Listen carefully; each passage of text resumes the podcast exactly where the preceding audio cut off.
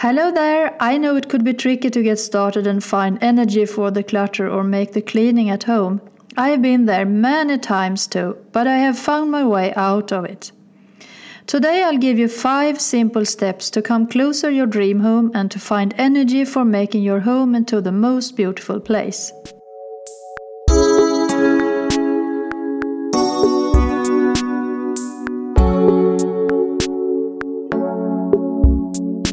Welcome to Design the Simple Life and episode number 13. I'm your host Ylva Jansson, and my mission is to inspire and coach you into a simple life and lifestyle.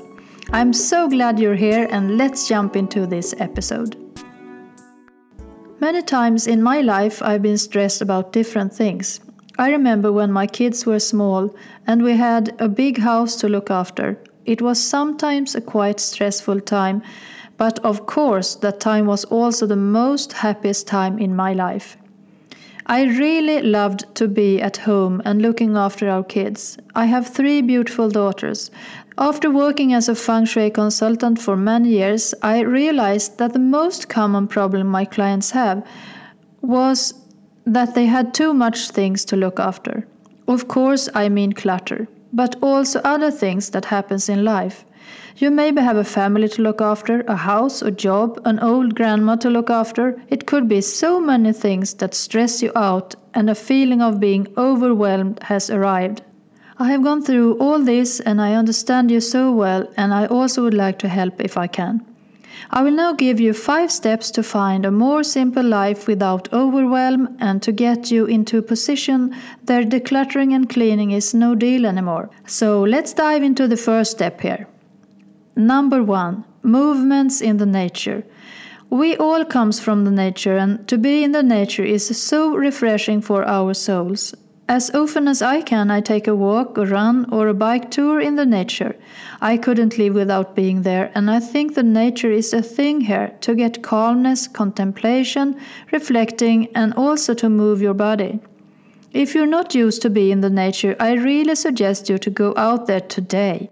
Go for a walk at least 30 minutes, and the best thing is to go alone, I think, without any distractions, so you really can be in your own thoughts. I can promise you that you will get many good new ideas and have another energy after your work. Write in your calendar walk 30 minutes three times a week in the nature by yourself. Maybe you haven't a forest or living nearby the sea or a meadow and then just go outside and get your 30 minutes walk anyway, just where you are. Try to do this for two weeks and then you can increase to four times. It all depends on how your life looks like, but I want you to go outside for a walk and breathe fresh air. That will give you much energy for your time inside and designing your home for sure. Number two, friends. Friends are so important for a healthy life. We're all different and have different kind of needs, but I can say that every time I have spent some time with my friends, I have got new energy and I love that. And very important thing here is to be surrounded with people with good vibes and good energy. Otherwise you come home even more tired and lack of energy. You need to find people who gives you energy and not people who takes your energy. Promise me that and you'll stay much more happy and energized. Number 3, fill your life with joy. Maybe this is the most important thing to stay healthy and get energy for a home makeover. We all need to have fun and to laugh often. Find your own happiness and the thing you like. The only one who knows that is you.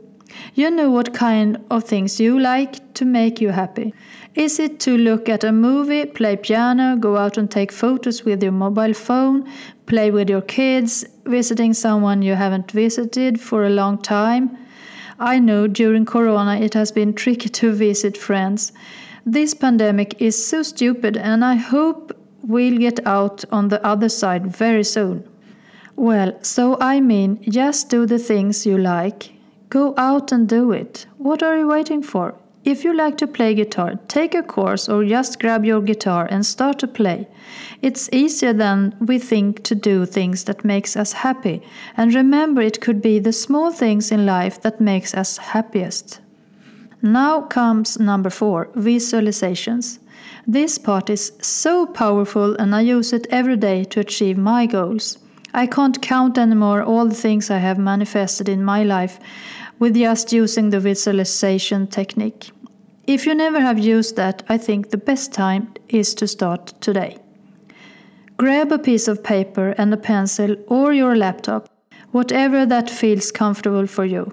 I'm the kind of a pencil lover.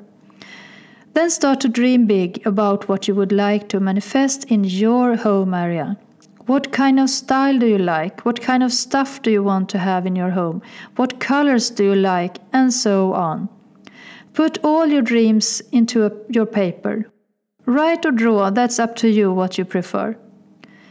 Write or draw as many things that you want, and after that, take a pause and have a rest or meditate on it. Maybe there comes up other ideas after your meditation. Then take your paper again and choose the five most important things you would like to achieve and put them on another paper. When you're ready, put your paper in a box until next day. Then take a look again and see if you, your goals are what you really want to manifest.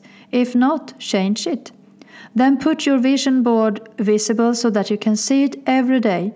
You can also put it in your phone at, as a starter page.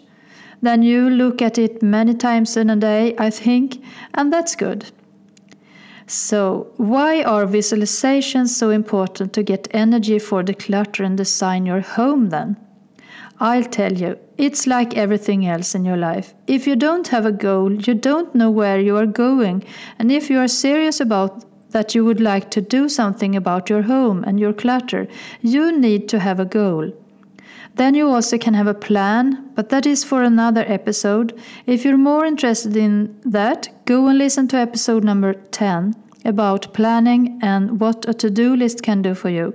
I also have a free PDF to do list at my website to download if you want that. You'll find the link in the description or go directly to my website ylvamariadesign.se and look for resources.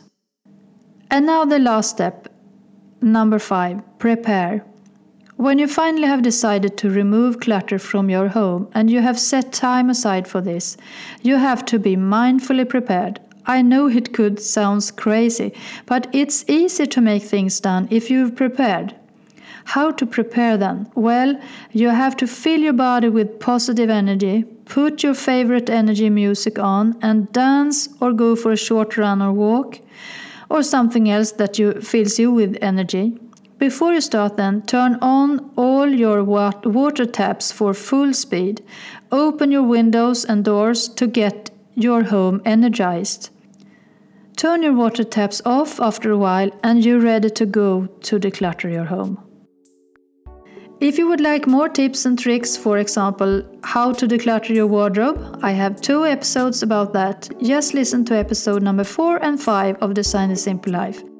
And if you haven't yet done my free 5 days challenge, How to Create the Awesome Wardrobe, you're invited right now.